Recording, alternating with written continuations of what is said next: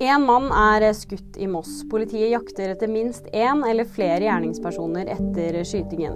Ingen andre skal være skadet, og det virker som en målrettet handling, sier politiet. Vi vurderer at det ikke er noe fare for eh, tilfeldige tredjepersoner.